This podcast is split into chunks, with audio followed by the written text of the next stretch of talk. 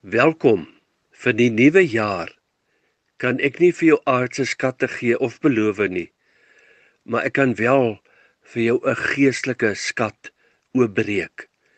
My nuwejaarswens vir elke luisteraar is dit: Mag jy die hoop wat die koms van die evangelie in jou lewe bring, opnuut vars ontdek en afstof.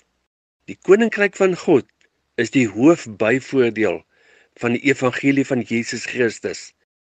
Dit word gewoonlik totaal onderwaardeer en dikwels as 'n blote teoretiese saak voorgehou terwyl dit 'n totaal praktiese lewensveranderende saak is. Elke mens het 'n begeerte na 'n goeie aardse regering met stabiliteit, 'n regsorde met groei en ontwikkeling en rente op die kapitaal. Ek vra een keer vir 'n man, "Wat is jou grootste aardse wens?" Onmiddellik sê hy, "Meneer, om 'n goeie werkgewer te hê." Is dit nie ons almal se aardse begeerte om 'n goeie regering en 'n goeie werkgewer te hê nie?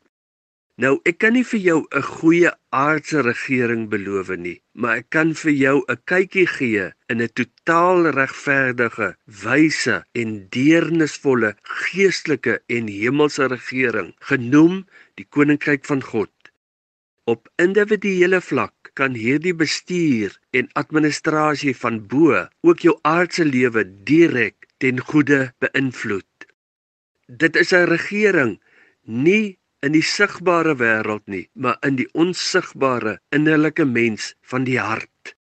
Jesus leer ons bid: Laat u koninkryk kom. As hierdie koninkryk kom in my lewe, plan dit my voete op 'n rots, gee vastigheid aan my tree, beredder my geestelike boedel en gee 'n nuwe lied in die mond. Psalm 40. Vader, Dankie vir die koninkryk. Open my oë daarvoor. Amen.